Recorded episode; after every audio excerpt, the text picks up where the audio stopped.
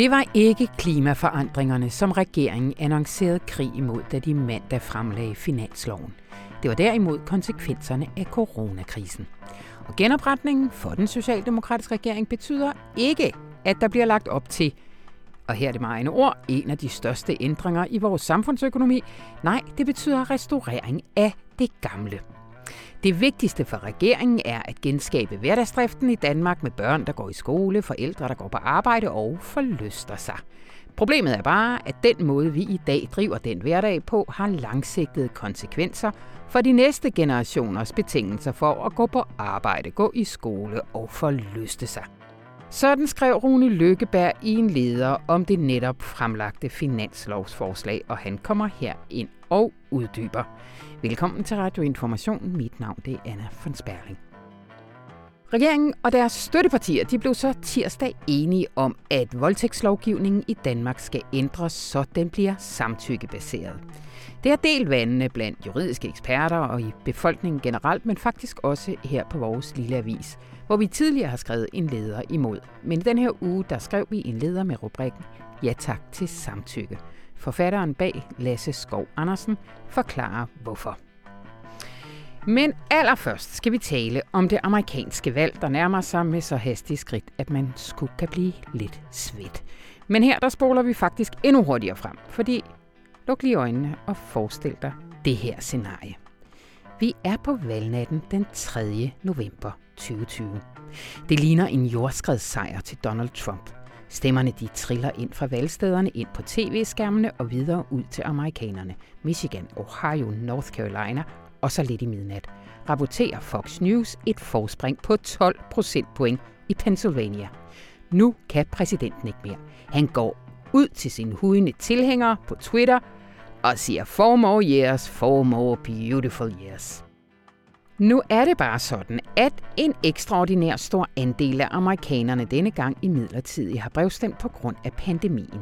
Og som de stemmer bliver talt op de følgende dage, begynder billedet at ændre sig til Joe Bidens fordel. Alt imens pumper Donald Trump tweets ud. Det er røveri, brevstemmerne er hoax, og resultatet for valgnatten, det må stå fast. Nu hvor optællingen er slut, og Joe Biden har vundet med det yderste af neglene, lad os sige 2.000 stemmer i Wisconsin, nægter præsidenten at gå af. Republikanernes advokater er kørt i stilling, Trumps støtter er på vej på gaderne, og ingen ved, hvad der længere er op og ned i Amerika. Kan du mærke det? Og det er ikke engang helt usandsynligt. Det mener i hvert fald juraprofessor Lawrence Douglas er det bedste bud på, hvad der kommer til at ske. Ham har vores Mathias Sindberg talt med, og han kommer her ind nu. Velkommen til Radio Information.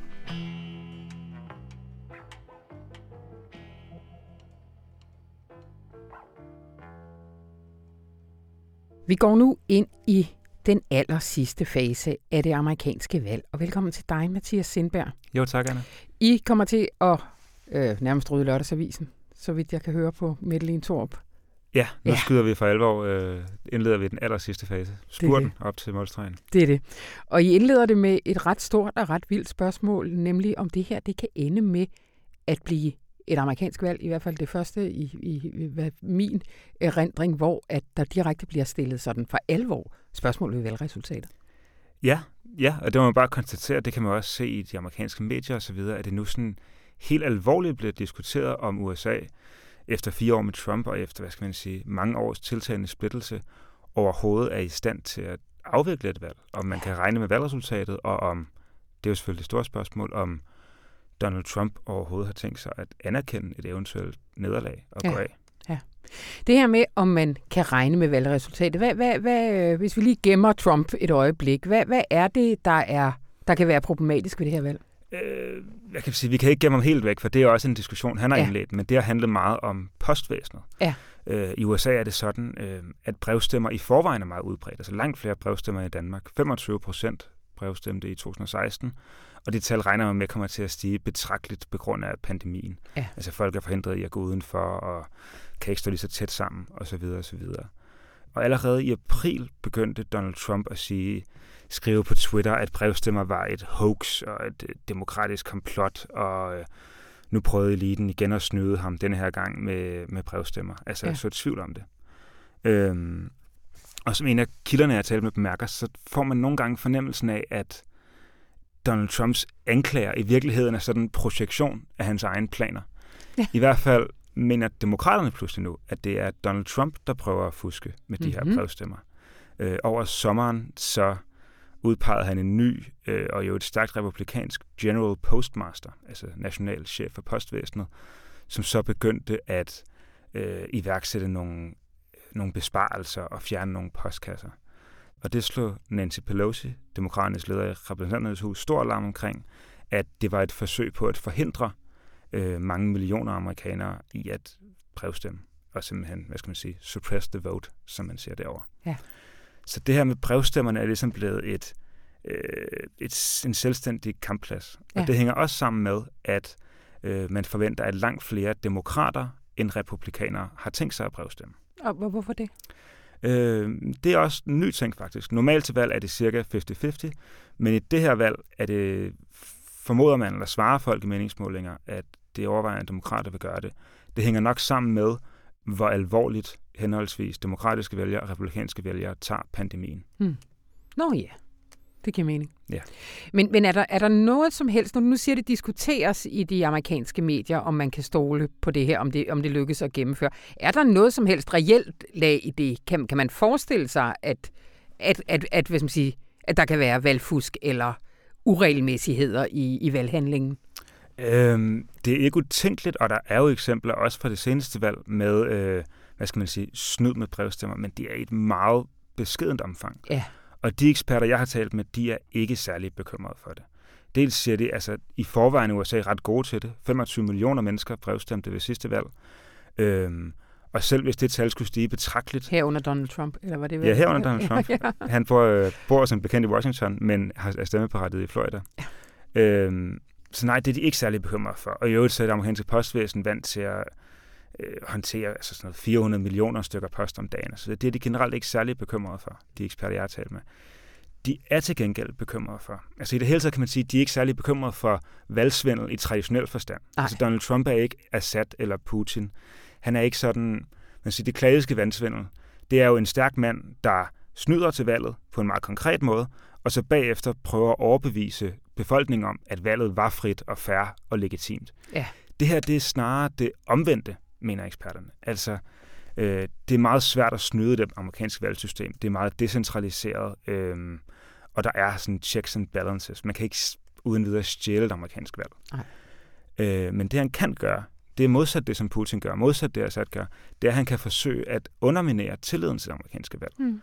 Og de mener, at når han snakker i siden april og snakker om det der med brevstemmerne ikke tæller, og man ikke kan regne med dem, så på sin vis så forbereder han allerede sine tilhængere på en situation, hvor han taber valget, og måske ikke har tænkt sig at acceptere resultatet. Ja.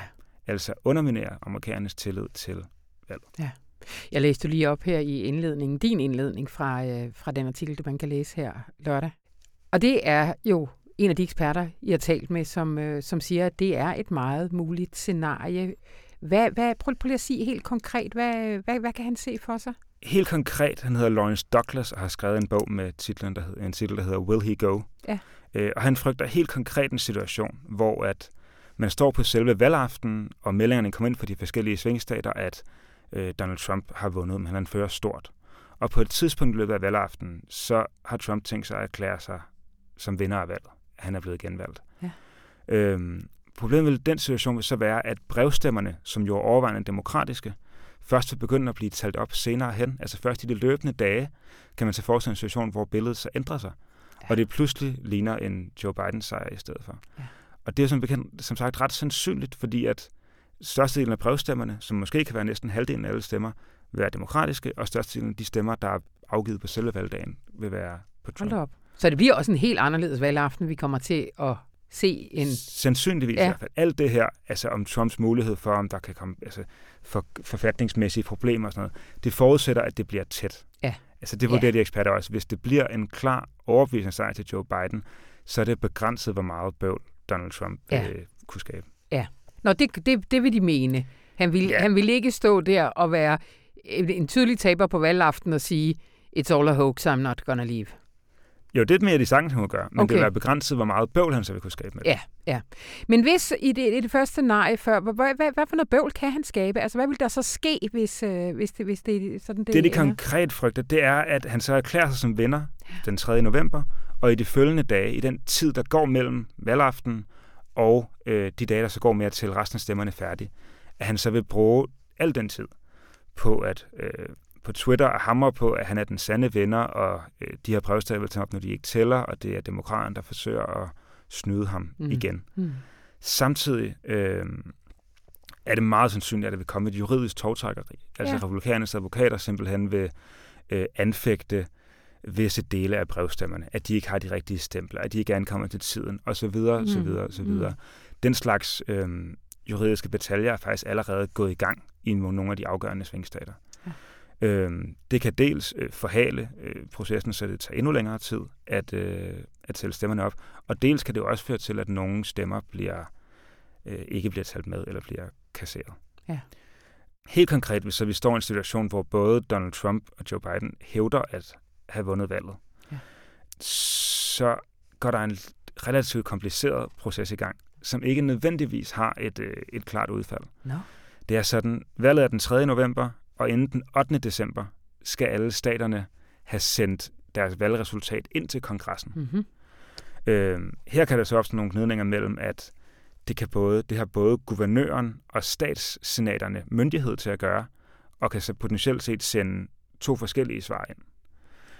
Øh, så den 6. januar, der mødes den nye kongres, mm-hmm. og de skal ligesom, kan man forestille sig, de skal åbne alle de her breve, som staterne har sendt ind. Mm-hmm.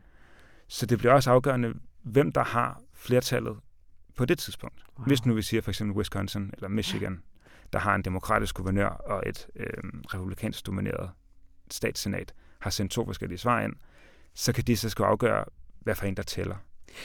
Hvis senatet, hvis kongressen så stadig er splittet, som den er nu, altså med et demokratisk repræsentanternes hus og et republikansk domineret senat, så kan der simpelthen opstå sådan en gridlock, at ingen bliver valgt. Så er der nogle scenarier i forhold til, så er det lederen af repræsentanternes hus, eller så videre. Men i det hele taget så, og det er også en af pointerne for en af kilderne, hvad hedder det, fra med Lawrence Douglas, det er, at det amerikanske system er ikke indrettet Nej. til, at man finder ud af det på den måde. Det er indrettet til, at en af kandidaterne opgiver sit, op, erkender, erkender sit nederlag, som ja. det jo altid sker. Hold da op. Og er der noget historisk fortilfælde, eller hvad? Øh, den, som man de fleste nok bedst vil kunne huske, eller har hørt om, det er i valget i 2000, hvor det er Al Gore og George Bush, øh, hvor det er meget, meget, meget tæt, og det ender med kun at være 537 stemmer i Florida, der afgør valget til Bushes fordel. Ja.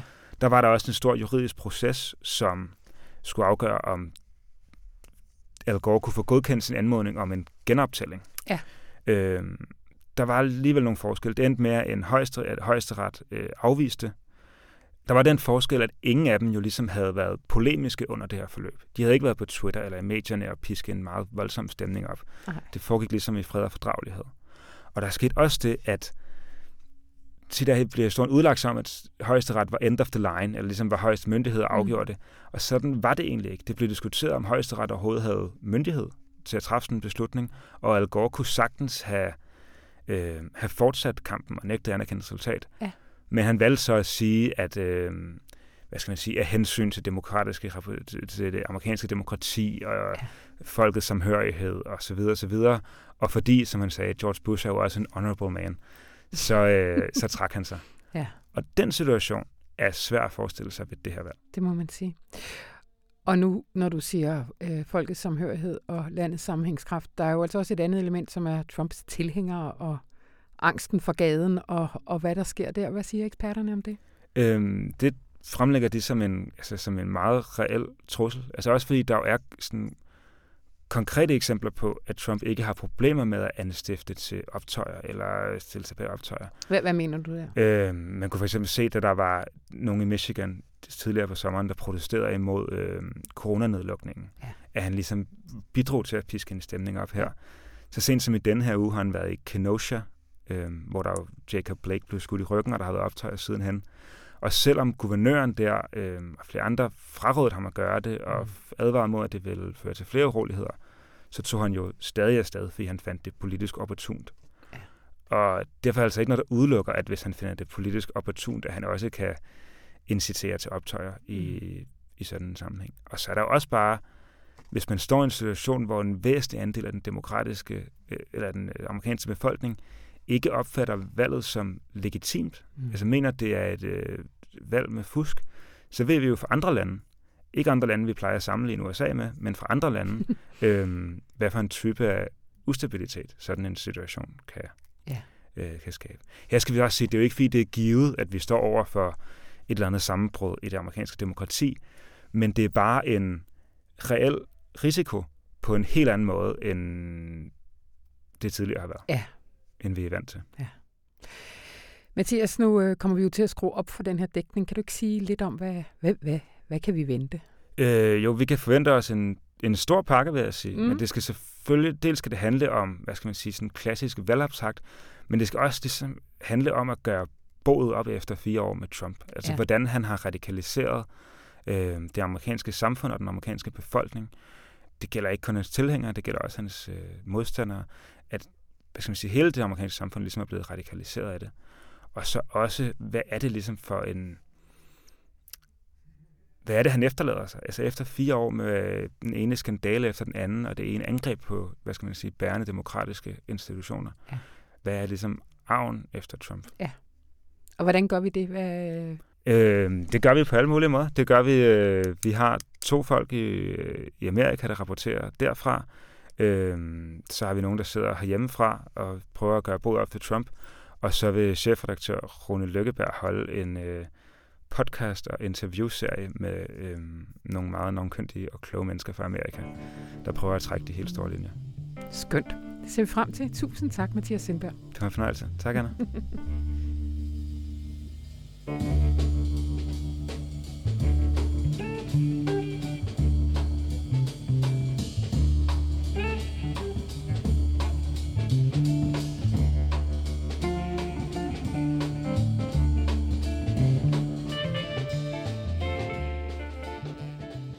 Regeringen og den støttepartier blev tirsdag enige om, at voldtægtslovgivningen i Danmark skal ændres, så den bliver baseret på samtykkeprincippet. Og velkommen til dig, Lasse Skov Andersen. Tak. Øh, du har skrevet lederen i torsdagens avis, og vi mm. vender tilbage til, hvad du skriver i den. Men lige helt overordnet, hvad betyder det, at en lovgivning er samtykkebaseret? Ja, det betyder jo grundlæggende, at når to med, eller flere mennesker for den sags skyld ja. Øh, skal have sex, så skal det foregå med samtykke. Og det er jo selvfølgelig ikke sådan, som øh, folk i overvis har gjort sig øh, lystige over sådan noget med nem ID eller kontrakter eller sådan noget. Det betyder bare, at man på en eller anden måde skal have givet udtryk for, altså enten ved at sige det eller gennem sin adfærd, at den her er man med på. Ja. Og, ja. Øhm, og det, det er jo en anden tilgang, kan man sige, end den lovgivning, vi har i dag, hvor at øh, det grundlæggende handler om, at øh, en voldtægt, det er ligesom, hvis der er blevet brugt ulovligt tvang, øh, vold eller en eller anden form for ulovligt tvang til at tiltvinge sig øh, samlejet eller en anden seksuel adfærd. Eller alternativt, hvis, hvis offeret ligesom har været så døddrukken eller dopet eller øh, sovet, at de ikke kunne modsætte sig. Ja. Så, så det går ligesom fra, at, at den, den der sådan lidt sådan øh, gamle forestilling om, om voldtægt, som, som sådan noget med en mand, der hopper ud af busken og, og holder kvinden fast, mm. øhm, og så til ligesom måske, vil jeg i hvert fald mene, bedre afspejle sådan en, en moderne opfattelse af, hvad voldtægt er. Ja. Øh, du skriver her i, i lederen, at det er fuldstændig klart, at voldtægtslovgivningen i Danmark, den, øh, som den ser ud nu, er urimelig, og det kan man ikke være i tvivl om, efter man har læst den gennemgang af retspraksis, som Straffelovsrådet lavede tidligere i år. Mm. Øh, hvad, hvad, hvad mener du med det? Ja, altså straffelovrådet blev øh, det er jo det her råd, vi har, øh, som øh, justitsministeren øh, nedsætter, som består af nogle af de ligesom skarpeste juridiske hjerner i, i landet. Det er både sådan universitetsjurister, og det er øh, også sådan folk fra Justitsministeriet, og det er, øh, og det er sådan set også folk med sådan baggrund i, i retssystemet. Og så er der siddet folk der og arbejdet meget længe og overvejet, om man, ligesom, hvordan fungerer vores voldtægtslovgivning i dag, og, og hvad er der mulighed, mulighed for at ændre det, og mm. hvilke modeller kunne man vælge osv. Og en af de ting, de så har gjort, det er jo så at gennemgå de øh, domme, der er trygt. Altså øh, alle de domme, som man kender ja. til, som ligesom er blevet trygt her inden for de, ja, det er en treårsperiode. Og så øh, har de gået igennem dem, og de konkluderer ligesom, at den nuværende voldtægtslovgivning, den øh, fører til frifindelse, hvis rimelighed kan diskuteres, som de okay. diplomatisk ja. formulerer det. Og, ja. det. og efter jeg selv har læst deres gennemgang, så vil jeg godt lige skærpe det til at sige urimeligt. Ja. Øhm, og det er blandt andet, som jeg også nævner i lederen, kan man jo tage, nu var det bare lige for at vælge et eksempel, der kunne mm. være mange andre, men der var sådan en sag om en øh, mener 47-årig krammeterapeut, der havde ja. en 29-årig patient øh, med øh, til sådan en konsultation, som så i øvrigt foregik i hans lejlighed, og hvor han så tager øh, hendes hånd og placerer på sit lem, og han stikker en finger op i hendes skede, øh, og hun siger ligesom, at hun vil ikke være med til det, og hun giver også øh, udtryk, ligesom, øh, hvad kan man sige, i handling for det, ligesom for at skubbe ja. ham væk, ifølge hvad der er oplyst om sagen. Og, øhm, og han, han har så øh, fortsætter alligevel og samler med hende, og hun beskriver ligesom, at hun bliver paralyseret. Ja. Øhm, og manden bliver frikendt, selvom altså, alt det, jeg lige har sagt, det er noget, retten lægger til grund, at sådan var det. Ja. Men han bliver frikendt. Ja. Øhm, vi, vi har jo set en række af vores nabolande, eller lande, vi plejer at sammenligne os med, indføre en, en samtykkebaseret lovgivning. Kan man, kan man se noget nu? Hvad, hvad er de praktiske erfaringer i de lande? Ja, altså der er jo flere lande, der har gjort det sådan på en lille smule forskellige måder, ja. men man kan sige, det der måske ligger tættest på os, det er jo, det er jo Sverige. Ja. Øhm, de indførte det i 2018. Øhm, og øh, der har faktisk lidt overraskende, tror jeg, for, for en del, så har det faktisk ført til en del flere øh, øh, fældende domme, ser det ud til. Ja. Øh, jeg mener, det er en 75 procent stigning øh, siden man indførte okay. det. er selvfølgelig et kort tidsspænd, og der kan også være andre faktorer, der spiller ind.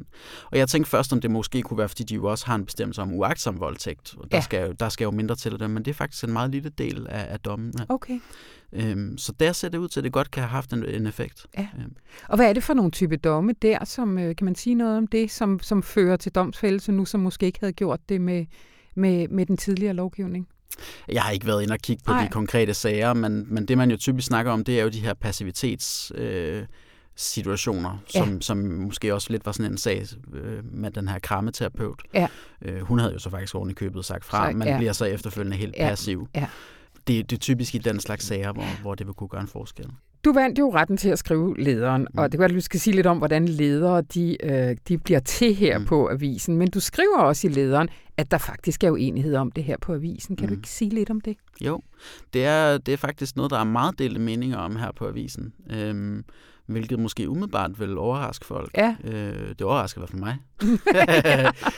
øhm, men der er øh, ligesom en fløj på avisen, og det, jeg har ikke, øh, hvad kan man sige, stemmetal eller noget, for jeg kan ja. sige, hvor udbredt det er, men det er ikke bare sådan en eller to personer. Det er, øh, det er en del, øh, som er, som er bekymret over det her. Ja. Øh, som er bekymret for hvad kan man sige, hvis jeg nu skal prøve at være så lojal som muligt over for deres synspunkter, så er det ligesom at sige, at de er bekymrede for retssikkerheden, ja. og vel sådan i yderste konsekvens, om nogle uskyldige mænd kan blive dømt, eller, eller mænd, der har været i god tro, øh, kan blive dømt. Ja. Det er jeg ikke så bekymret for. Nej. Men, øh, men det er ligesom det, de er bekymret for. Men grunden til, at jeg ikke er bekymret for det, det er fordi, at du stadigvæk vil skulle bevise, at en mand har haft, eller det kan også være en kvinde i ja. princippet, men ja.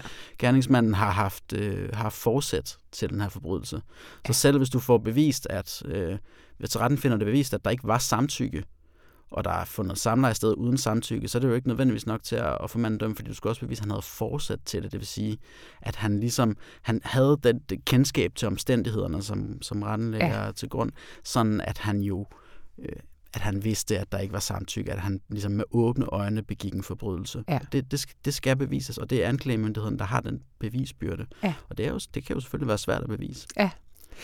Øh, vi har jo faktisk også skrevet en leder øh, mod, da, da straffe ret, straffe, jeg kan Straffelovrådet, sige, straffelovrådet ja. øh, øh, fremlagde deres anbefalinger. Mm. Så øh, så, så det, øh, det kan da være, at vi øh, skriver en mod igen. Det har vi jo ja. en tradition for her på Visen. Ja, og det er jo det, der er sådan lidt... Øh, altså, ja, typisk så siger man jo, sådan, når man lærer i samfundsfagstimerne i gymnasiet om, hvad, hvad er de forskellige genreartikler i avisen, og så, ja. så lærer man jo, at lederen, det er avisens holdning. Ja. Og på mange aviser, så er det jo sådan noget, så har man et lederkollegium, hvor der sidder nogle folk, som ligesom er ansat til det, og og som ligesom lægger linjen. Og det, ja. bliver jo, øh, det, det bliver jo tit relativt konsistent, fordi det er de samme mennesker. Men her hos os, så har vi jo sådan en gammel øh, venstrefløjsavis, og der er stadigvæk nogle sådan, øh, rester af sådan nogle gamle sådan, traditioner fra, at det var ligesom meget medarbejderstyret og sådan noget. Ja. Så hos os er det redaktionsmødet om morgenen, der fastlægger linjen. Ja. Og det betyder jo så også lidt, at øh, det er dem, der er der, ja. der bestemmer linjen på den ja. dag, og så kan det være nogle andre mennesker, der dukker op den næste dag, ja. og som så har en anden holdning. Øhm, og det, det er sådan, det er. Ja. Øhm, så derfor, altså, jeg tænkte sådan lidt, da jeg skrev min, min leder, kommer det ikke til at se lidt mærkeligt ud, at i, i februar, da vi senest skrev leder om det her, så var der sådan en meget bestandt leder, der sagde, at samtykke er en virkelig dårlig idé, og det ja. kan være, at det er virkelig bekymrende, og det kan være farligt, og så videre, og så videre.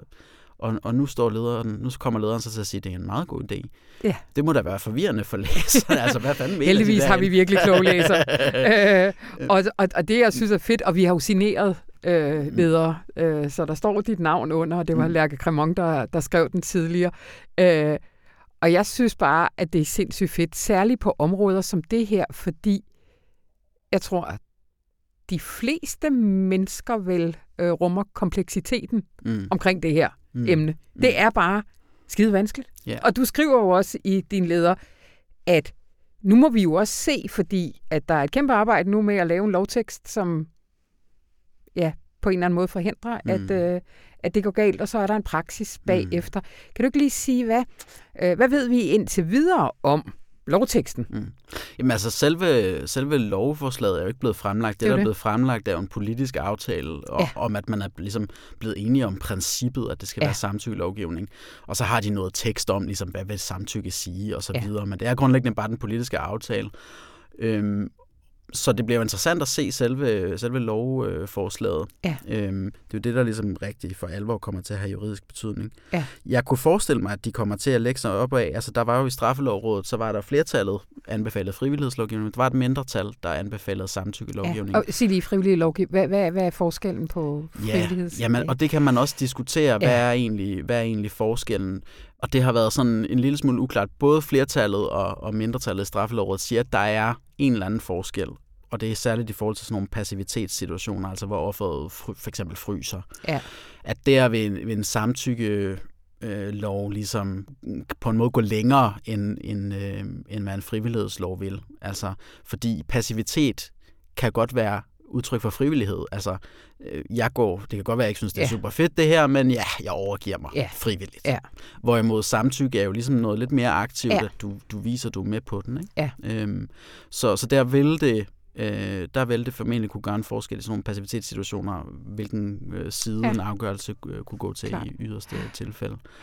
Men, men du siger, at de vil sandsynligvis lægge sig op af den formulering øh, omkring samtykke. Ja, fordi der har mindretallet jo lavet øh, deres øh, lovforslag. Øh, det er så en person, hendes lovforslag. Øhm, og der er det jo... Jeg kunne forestille mig, at man vil mere eller mindre gå ud fra det. Jeg kan lige læse det op her. han sidder her og råder med sin telefon. Paragraf 216. For voldtægt straffes med fængsel indtil 8 år den, der gennemført samleje med en person, der ikke har samtykket heri. Samtykke skal gives frivilligt og være udtryk for den pågældendes frie vilje, bedømt ud fra omstændighederne ved den konkrete situation. Er forholdet begået ved vold, trussel om vold, psykisk vold, anden ulovlig tvang, jævnfør paragraf 260, eller med en person, der befinder sig i en tilstand eller situation, i hvilken den pågældende er ude af stand til at modsætte sig handlingen, anses dette som en særlig skærpende omstændighed. Og det aller sidste der, det er jo den måde, øh, bestemmelsen er formuleret på i dag. Det vil man så gøre til en skærpende omstændighed. Ja. Og så siger man, at der er noget mere også, der er voldtægt. Ja. ja. Men lad os, det er jo ikke kun nogle af vores kolleger, som er lidt urolige over det her. Der vi har også snakket med en række øh, juridiske eksperter i avisen, der er urolige. Hvad, hvad, hvad er det, de siger, som er bekymrende? Mm. Jamen, det, det er jo nok meget, eller det er meget de samme argumenter, som vi også, som jeg lige fortalte om her internt ja. på avisen. Der er jo nogen, der er bekymret for retssikkerheden. Ja. Øhm, altså for om om, om mennesker vil blive altså enten uskyldige, eller, eller mennesker, der var i god tro, øh, vil blive dømt. Og som ja. jeg sagde før, det er jeg ikke så bekymret for. Så er der ja. noget, som, der er ligesom nogle andre argumenter, som jeg selv tænker, er, altså, er, hvor jeg i hvert fald ikke kan afvise det på forhånd. For eksempel er der det her med, der har jo været ligesom sager fremme løbende gennem de senere år om, hvordan det er meget øh, ubehageligt og jo sådan yderligere traumatiserende for voldtægtsoffer, når der sådan i forbindelse med den politimæssige efterforskning og i forbindelse med retssager osv. er meget fokus på deres adfærd. Ja. Altså... Øh, øh, hvad for noget tøj havde du yeah. på, og hvad sendt flyttede du, og øh, yeah. altså alt det der, hvor, de, hvor det kan udvikle sig sådan en form for victim blaming på en eller anden måde. Øhm, det er jo ikke så fedt. Mm. Og der er der jo nogen, der har en frygt for, at det ligesom kan blive øh, værre på en måde med en samtykkelovgivning, fordi det jo der handler om, jamen, gav du samtykke? Ja. Altså, øh, øh, rør, rørte du ved ham, ja. kyssede du tilbage ja. og sådan noget. Og det, det, det kan man jo godt være bekymret for, og det er også ja. derfor, jeg siger, at man skal holde nøje øje med, hvordan det kommer til at virke i praksis. Øhm, ja. At det ikke får nogle utilsigtede konsekvenser. Det ja. kan, jeg kan i hvert fald ikke afvise på forhånd, at, øh, at det kan blive en... Og så er der jo folk, der argumenterer for, at det her altså nu sagde du det jo noget, en anden erfaring, de har i Sverige, men at det her måske ender med ikke at have nogen som helst effekt, og at det derfor kan ses som sådan rent symbollovgivning. Yeah. Hvad tænker du om det argument? Jamen, det er jo også, altså det er jo ikke kun kritikere, der siger det, det er jo Nej. også en som Jørgen Vestergaards, øh, strafferetsprofessor fra Københavns Universitet, som sådan set har været fortaler for samtykkelovgivning i en del år. Øhm, øhm, men hvor hans argumenter, som jeg også synes, der er en del i, er, jamen det her handler også om, at lovgivningen skal være normsættende. Ja. At man sender et signal om, hvad der er okay, ja. hvad der ikke er okay. Ja. Og det forhåbentlig kan være med til at ændre, hvad kan man sige, hele den kultur, der er i vores samfund, og jo i yderst konsekvens måske kan være med til at forhindre, at nogle voldtægter overhovedet sker, fordi mm. folk bliver bedre til at lige sikre sig samtykke. Øhm, man kan så sige, at altså, erfaringerne fra Sverige tyder på, at det måske godt kan altså, have en vis effekt, men det får vi jo se. Ja. ja. Lige her til allersidst, du kalder lederen ja tak til samtykkelovgivning. Helt kort, hvorfor er det vigtigt? Jeg synes, at når man sådan ligesom har afvejet alle ligesom pro og kontra og så videre, så synes jeg, at der er mest, der taler for, at det er en god idé. I sidste ende på grund af det signal, det sender, og fordi det kan være med til at ligesom rykke ved normerne for, hvad der er acceptabel seksuel adfærd. Da jeg selv gik i gymnasiet, så var det ligesom, at gik man og jokede om listepik og sådan noget. Mm jeg ved ikke, om jeg behøver at forklare, hvad det er, men Nej. det er i hvert fald noget, der ikke er okay efter samtykkelovgivning. Ja. Og, og det vil jo være med til at, at slå fast også fra en ny generation, at øh, listepik er ikke okay. Der er mange ting, der er ikke okay. Vi skal have samtykke. Ja. Tusind tak, mm. Lasse Skov Andersen.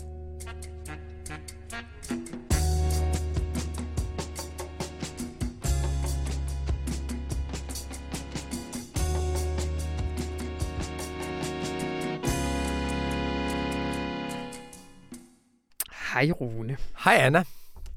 Øhm, jeg... Du har faktisk alle mulige optur. Du bobler optur, men jeg sagde til dig, at vi skal altså starte lidt mere afdæmpet. ja. vi fik jo ligesom et finanslovsforslag fremlagt i mandags, og det må vi lige komme omkring. Ja, man kan sige, vi havde jo en forventning om, at dengang samfundet lukkede ned, at så ville det være et helt nyt og anderledes grønt, progressivt og harmonisk samfund, der vil åbne op igen. Eller sagt på en anden måde, vi ved jo historisk, at meget store omvæltninger sker som regel, når et samfund er rystet. Ja. Så når et samfund er blevet rystet, så bliver man en lille smule bange, men man bliver også håbefuld, fordi man kan sætte det sammen forfra. Ja. Og der har regeringen jo selv sagt, at genopretningen bliver grøn. Ja. Så vi har ligesom håbet på, at den første finanslov efter COVID-19-nedlukningen, at det vil virkelig være big structural change. Store strukturelle forandringer i en grøn retning. Og det har vi også brug for, fordi med alt, hvad der er blevet sagt om klima og verdensturnéer og taler og aftaler om at lave aftaler og klimalov, så er der jo ikke aftalt andet end 20% reduktion indtil nu. Altså vi skal nå omkring mm. 20 millioner ton CO2, og der er aftalt 3,4, 3,6, 3,8. Det vil sige under en femtedel efter sådan en gigantisk klimavægelse. Så vores håb var, at der ville blive sat en masse penge af på finansloven til de store forhandlinger om transport og landbrug, som skal i gang her i efteråret, og at der vil blive kastet milliarder efter store grønne investeringer. Og det blev der ikke. Nej. Hvad blev der så? De har lavet en krigskasse på 9,2 milliarder, og der tænkte vi jo, at den virkelige krig i vores tid, det er jo det, som John Kerry har kaldt for World War Zero. Kendte du det udtryk? Nej. Hvad? Clever. ja. World War Zero. Man kan ikke helt oversætte det danske 0. verdenskrig. øh, nemlig kamp, krigen mod klimaforandringer. Men det er det ikke. Krigskassen er til corona omkostninger til at rette op efter, efter corona. Så der er sat 9,2 milliarder af ja. til det. Og det er, jo, det er jo ikke strukturelt. De er ikke sat af år efter år efter år. Det er til at lave hjælpepakker. Der kan være noget grønt i det, men det er der ikke nødvendigvis, og der kan ikke være noget strukturelt for det engangsbeløb. Så må man sige, at der er sat 750 millioner af hvert år til øh, grøn forskning, og det er dog noget. Mm-hmm. Øh, og så er der en såkaldt forhandlingsreserve. Regeringen lægger ligesom halvanden milliard på bordet og siger, det er det, vi kan bruge sammen med vores støttepartier, Enhedslisten, Radikale og SF, til at gøre nogle af de ting, de gerne vil. Men inde i de halvanden milliarder, der er altså både de meget omkostningstunge minimumsnormeringer, og hvad de ellers måtte have ønsker, og så i øvrigt 250 millioner til, til Danmarks Radio. Så i det store perspektiv, det er en, rig, det er en grøn finanslov. Mm-hmm. Det er det. Mm-hmm. Men det er ikke en strukturelt grøn Nej. finanslov. Det... Og det var, heller ikke, det var heller ikke en grøn stemning til pressemødet umiddelbart. Det var ikke det, de slog på. Det var, det var arbejdspladser. Ja, de sagde, vi lad os slå fast, arbejdspladser er vores højeste prioritet. De vil hellere redde arbejdspladser, end at redde naturen. Og den store klinge, som man altid håber på jo, at man laver en masse nye grøn industriarbejdspladser og bruger krisen til det. Det der store grønne reform giver, mm. det har vi ikke set fra den her regering endnu. Og grunden til, at det er en lille smule forstemmende, det er, at med den her finanslov, der har vi jo opbrugt halvdelen af Mette Frederiksens periode som statsminister. Ja. Så nu er vi ikke længere i starten. Det er, den, det, er den anden, det er den anden finanslov. Hvis hun har maksimalt fire år, så, så, så er det halvdelen. Så der er ikke noget, der tyder på, at vi får store strukturelle forandringer ja. gennem finansloven. Hvis man så skal være med dem, og det vil vi jo gerne, fordi vi vil jo gerne have, at vi redder, hvad reddes kan på en offensiv og progressiv måde, så skal de jo senere på året lave en skattereform. Mm. Og det er en mm. grøn skattereform. Så man kan sige, man kan håbe på, at den grønne skattereform vil flytte rigtig, rigtig mange penge på afgiftssiden, og på den måde vil finansiere store strukturelle forandringer. Ja. Hov, jeg må lige, du, du sagde lige naturen kort, vi har talt om klima indtil videre, men der blev heller ikke rigtig noget til øh, drømmen om at få udlagt det ganske danske land til øh, biodiversitet under støttende natur. Nej, og man kan sige, det var jo også sådan lidt, øh, da de lovede det, den helt store offensiv i den danske natur. Og det var jo inden Anna von Sperling, hun blev øh, verdensberømt naturopdager. På trods af sit gode ry i punkrock-kredse, så hun kastet sig ud i naturen. Der var det jo sådan, man ville tænke, wow, nu går vi i gang med at genopbygge den danske natur mm. på, en, på en ny måde. Og det trak de jo lige i sidste øjeblik, re- øh, regeringen. Og hvis vi skal, og vi kan jo godt lide, vi er, der er også en lille smule Mogensen og Christiansen, ikke? Mm-hmm. så er det første gang i den tid, hvor Mette Frederiksen har været statsminister, at SF har været rasende Altså SF var rasende på regeringen over det. Indtil nu, så har de været absolut solidariske med regeringen, men den her gang var Pia Olsen Dyr rasende. Og igen, fordi det er, vi, vi, vi er halvvejs inde i perioden mm. nu, så det der med, at det er første finanslov, øh, nej, det er det ikke. Det er nu viljen til at sætte penge af på lang sigt viser, og de siger, det er udskudt et år. Men sagen er bare, i politik, det du ikke gør nu, er der en meget lille chance for, at du kommer til at gøre. Fordi hvad, altså, hvor er corona hen om et år? Der kan opstå mm. alle mulige andre mm. afledte kriser. Så man må sige, at vi forventede en strukturel optur, og vi fik en stemningspræget nedtur med finansloven. Godt. Men til gengæld, så er der nogle andre, ikke så nogen, der har lovet at øh, redde fremtiden med vores børn, men så nogen, der laver ovenlysvinduer. Ja, og det kan man sige, det er jo i virkeligheden meget det, der sker i de her år. Det er, det går op for os, naturen forandrer sig hurtigt, politik sker langsomt, men de store virksomheder kan investere ekstremt hurtigt. Og der har Velux, kendt for deres verdensberømte ovenlysvinduer, de har lavet et fantastisk projekt sammen med WWF, mm-hmm. Verdensnaturfonden, hvor de lover, at de vil rydde op i deres eget klimaregnskab fra den gang de blev grundlagt i 1941. Det vil sige, de vil plante 200.000 hektar tropisk skov, altså på et areal, der er større end Lolland, Falster og Møn til sammen. Mm-hmm. Det vil de gøre i Uganda og Myanmar, og det er for at opsuge al den CO2, som de har udledt siden de blev grundlagt i 1941, så de vil være historisk CO2-neutrale. Hold da kæft. Det er en kæmpe optur. Det adresserer jo både, og det, det fede ved den her slags ting, det er jo, at så er der et firma, der gør det, og straks kigger på de andre og siger, hvorfor gør I det mm, ikke? Mm. Så det er et det er et skridt, som forpligter alle andre til at tage stilling til det, og til at besvare, hvorfor de ikke gør det. Mm. Optur? Kæmpe optur over Velux. øh, Rune, nu jeg har dig, ikke? Ja. så har jeg lidt optur, ikke? fordi inden ved Nørreport station i København, der hænger der en meget... Ja, plakat kan man ikke kalde Hvad hedder sådan en? Hvad hedder den? Gigaposter. Gigaposter. som er en del af vores nye kampagne. Fortæl lidt om den. Ja, man kan sige, at information har jo i mange år synes, at det at lade være dem, vi er, og udgive det, vi udgiver, det var en super branding-kampagne i sig selv. Ja. At det var ligesom, så spredte vi ordet på, øh, på, på den måde. Men det vi i et stykke tid har overvejet, det er, at det kunne være fedt ligesom at hejse det store flag i landskabet med den røde prik, så den nåede ud over det nærmeste publikum, men ligesom lige at vise ud til dem, der ikke har et dagligt kendskab til information. Hey, vi er her, og vi laver nogle fede ting, og vi sætter verden sammen på nogle anderledes måder, end nogen andre gør.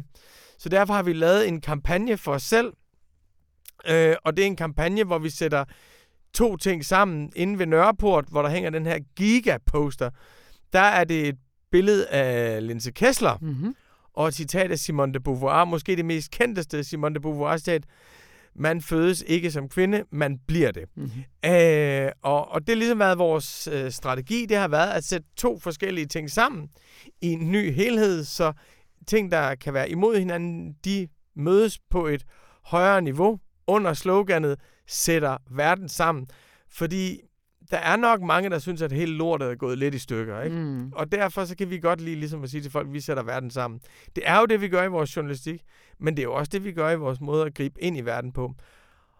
Og så kan jeg sige, at der hænger rigtig mange informationssammensætninger af verden rundt i landskabet, men jeg vil ikke afsløre flere. Dem Nej, skal man selv, skal selv gå ud og øh, gå på øh, Pokémon-jagt. Ja, de hænger nemlig rundt omkring i byen på sådan en meget gammeldags øh, fysisk måde.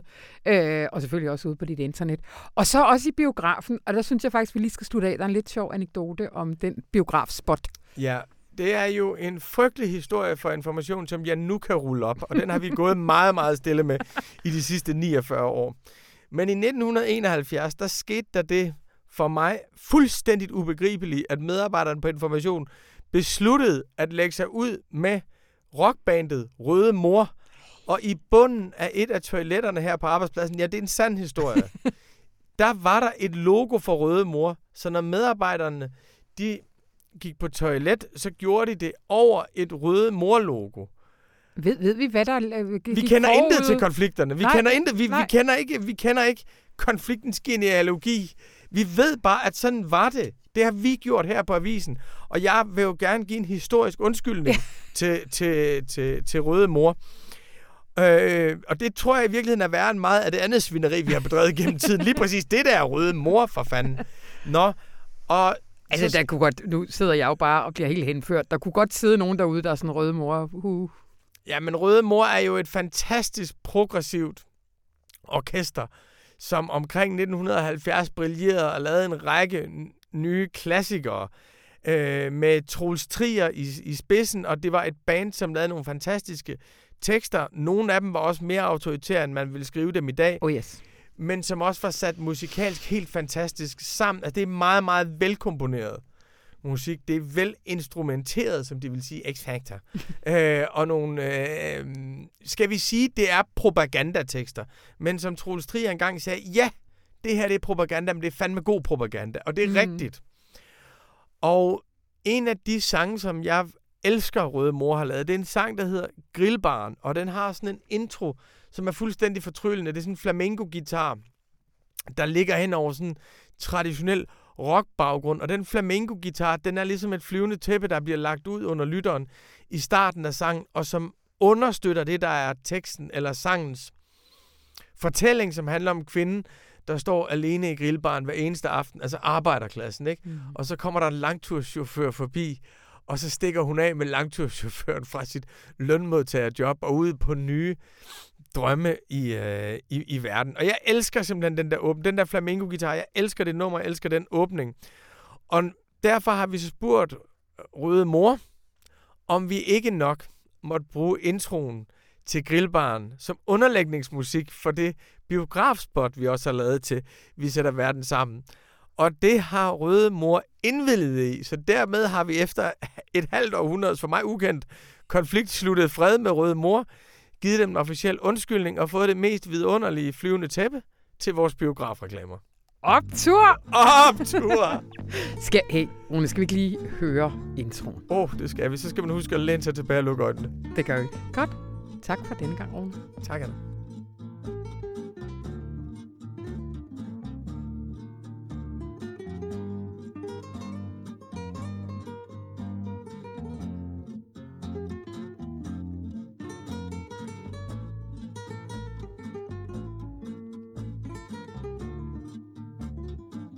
Hej, Lærke Cremon. Hej med dig, Anna. Hvad er det for en lækker lille fyr, der står her på bordet mellem os? Mm, det, øh, det er en brie de Meaux. En, øh, en fransk brie. Ja, hvorfor brie de Meaux? Hvad, hvad, hvad er mod? Jamen, det er simpelthen der, hvor den kommer fra. Nå. Og, øh, og det er så den øh, første ost, som øh, vi vil præsentere informationslæsere for i øh, Informations store franske osteskole, som går Ja. i gang på lørdag. Der er jo sikkert nogle af de faste læsere, der kender til din vinskole. Øh, og det er lidt det samme format. Ja, det er i hvert fald... Altså, jeg tænker det sådan, nu har vi haft vinskolen, og jeg kan godt lide at forestille mig sådan det intellektuelle menneske med vin i den ene hånd, og så må der også helt klart være ost i den anden hånd. Ja. Nu har vi været igennem øh, vinen, nu, øh, nu skal vi lære noget om ost. Øh, det er kun de franske oste. Hvorfor, hvorfor, hvorfor det?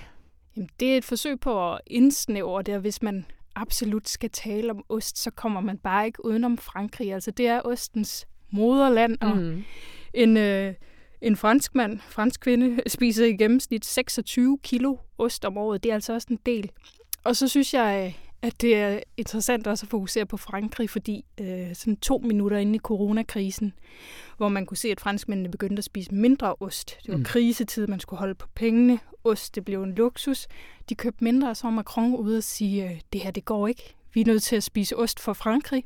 Ja. Han øh, startede en kampagne, der hed øh, Fromagichon, som betyder sådan noget, noget af lad, lad os øh, oste løs.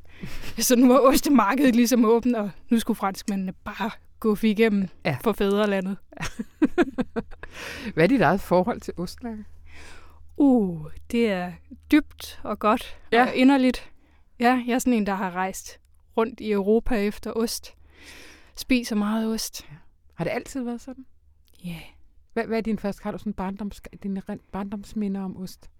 Og jeg har et rigtig godt minde fra, øhm, det er så desværre ikke Frankrig, men nu siger jeg det alligevel. Ja. Ja. Det var i Schweiz, også et stort osteland, øh, hvor jeg som barn øh, besøgte en lille by, der hedder Gruyère. Mange vil måske mm-hmm. kende Mhm. Gruyère-osten.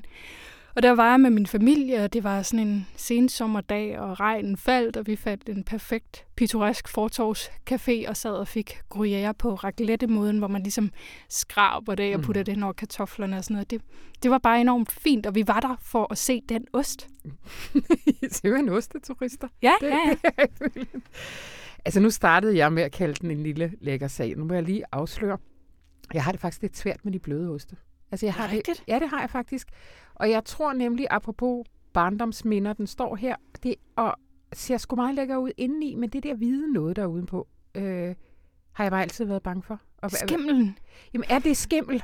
Ja, det er det. Det er skimmel også på en brie. Ja, det er en Ja. hvid skimmel. Ja, det er en hvid skimmel. Nå. Og det synes du er intimiderende? Ja, det ved jeg. Det, det er jo bare det er noget fra barndommen. Det er ikke sådan, jeg ikke kan spise det i dag, men det er ikke sådan... Jeg har det ikke ligesom med de hårde oste, som jeg altså kan stå op om natten og knæve. knæve. Lige pludselig er der nogen, der tænder lyset i køkkenet, så står jeg og, og, og gnaver i min parmesan eller sådan noget. Det kan blive sådan helt en uge efter. Men det der, det, jeg ved sgu ikke. Jamen, så skal du næsten prøve den her, fordi den har jo stået ude nu i en time, så nu Ja. er den blevet rigtig blød og varm, ikke? Okay. Og det er jo der, hvor man kan smage, at især sådan en, en brie de Meaux, som den her, den er modsat de andre brier, så er den lavet på upasteuriseret mælk, og det betyder, at den sådan ligesom bliver mere animalsk, altså det, man kan kalde man kan smage mere stald, og man kan smage mere prut på den her måde. og, og det kommer jo virkelig frem, når den så Ja. også får temperatur i rummet. Ikke? Ja, zoologisk have. Hvad siger du? Zoologisk have. Er det noget for dig? Ja, med et, ja, ja. Et lille, et lille brød og et, og et lille glas rødvin til. Så Altså, tror brie er jo absolut ikke nogen vild ost. Nej. Det er jo en meget, meget mild en, og med lidt Det må man sige. bær kan man jo kamuflere den. Ja. Hvad, hvad, hvad, hvad kan man sige om en brie? Jamen, øh, man kan sige, at øh, brien den kommer fra området Brie, Mhm. mm-hmm. som ligger øst for Paris. og så er det en øh, elgammel ost. Altså man kan spore den helt tilbage fra 700-tallet, hvor øh, kejseren Karl den Store, han fik øjnene op for den og fandt ud af, at den elskede han bare. Og så har den sådan historisk fået helt ekstremt meget PR øh, lige omkring Wienerkongressen, hvor Europas ledere de mødtes i øh, 1814 øh, for at lave fred efter Napoleons krigene. Og det har sikkert ikke været nogen nem opgave, men der var så en snedig fransk diplomat, som ligesom sne den her Bridemo ind på bordet. Og så blev der sgu stille. Altså, så holdt folk kæft, og så spiste de ost. Og så sad de bagefter og klappede og blev enige om, at det her, det var ostenes konge øhm, og så kan man sige, at senere så har franskmændene så døbt den øh, øh, folkets ost. Mm. Øh, fordi den både spises af rig og fattig, og på den måde er det også en meget sådan solidarisk ost i ja. virkeligheden. For mig er den sådan lidt, at det er jo ikke længere en kongeost. Og, altså, du siger så også folkets ost, men den har vel, den er, det, man støder ikke på den på de fine restauranter i København længere, vel? Med lidt syltetøj, som man gjorde i 80'erne, eller? Mm. Nej, det er måske det, rigtigt. Eller den Nej, men jeg tilbage, tror også, det er fordi, at, at, at der er jo sket helt vildt meget med dansk ost. Ja. Altså, vi opfandt Vesterhavsosten, og så stak det jo helt af ja. hjemme, og lige pludselig ja. blev vi et osteproducerende land, der ja. lavede alt muligt spændende, og vi fik Arla Unica, som eksperimenterede helt vildt. Så hvis du går på dansk restaurant i Danmark, så vil du langt hen ad vejen blive præsenteret for dansk ja. ost også. Ja. Brien er stadig en stor og vigtig ost, mm. men det er måske ikke den mest interessante, fordi den er jo den er mild, og den er sådan lidt skovbundsagtig. Det er ikke en, der larmer. Det er ikke sådan en, man nødvendigvis kan huske mange, mange år efter. Nej, nej. Får vi nogle larmende oste? Kan du ikke lige løfte sløret for, hvad for nogle oste kan man komme til at møde i din osteskole? Jamen, jeg synes, vi kommer, vi kommer godt rundt. Altså, vi slutter et øh, absolut øh, larmende med, med Roquefort, som øh, mange læsere måske enten kender, elsker eller har et anstrengt forhold til. Mm. Men det er jo den her blåskimmel ost med huller i, som, øh, som har en hæftig smag mm. og historie mm. og stank. Mm. Og det skal vi øh, dykke ned i. Men ellers så er der også øh, altså sådan nogle klassikere som Morbier, som er sådan en gul, fast ost, der ligesom er kendt med sådan en øh, askestribe igennem. Ja. Og vi skal forbi en, øh, en banon, som er sådan en lille rund øh, giderulle, øh, svøbt i nogle kastanjeblade, som jeg synes er en utrolig smuk ost. Og ellers så skal vi også øh, prøve en Mont d'Or, som er en lille rund ost, som man, øh, man rigtig gør lækker, hvis man ligesom graver et hul i den, hælder hvidvin ned i den, og så putter den i ovnen. Mm, ja, ja. Ja. Ja, åh, oh, den er god. Ja. Så der bliver meget godt. Uh, Lærke, du laver ikke det her alene. Vi skal lige kreditere. Ja, jeg laver det sammen med Camilla Bøjsen Møller, som øh, øh, driver en selvstændig osteblok, som hedder Ostesnak. Mm-hmm. Og øh, det er ligesom hende, jeg får lov til hver uge at snakke med, og så fylder hun mit hoved med alt muligt spændende osteviden, som jeg ikke øh, nødvendigvis har i forvejen. Ja. Lige her til allersidst, før jeg slipper dig, der sidder måske nogen derude og tænker, Dagbladet Information, franske oste, altså hvad, hvad fanden sker der? Hvad, hvad, hvad, hvad, hvorfor, hvorfor skal vi have en ostesko? Åh, oh, jamen det må de sgu også godt være sure over nogle af dem derude. Men jeg synes, vi har, vi har en pragtfuld avis, og vi har så meget til hovedet, og det er jeg ikke ude på at revolutionere. Men hvor ville det være skønt, at man også kunne åbne avisen lørdag morgen, og så var der noget til munden, mm. og noget til sanserne, og noget, man ikke nødvendigvis bare blev klog af, men noget, man blev et mere sådan kulinarisk og gastroseksuelt menneske af. Kunne det ikke være fedt? Jo, jo, jo. Og jeg har faktisk harpet lidt i den her brie øh, efterfølgende. Jeg ved ikke, jeg håber ikke, man har kunnet høre det. Uh, tusind tak, Lærke. Velbekomme.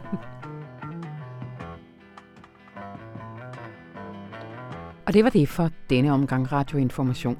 Men hvis du sidder derude, brie løs og viden begærlig, så kan du simpelthen blive her i Radioinformations feed og høre optagelserne fra paneldebatten, da Information i sidste uge fejrede Geo Wilhelm Friedrich Hegels 250 års fødselsdag, som du af den ene eller anden sandsynligvis rigtig god grund var forhindret i at deltage i.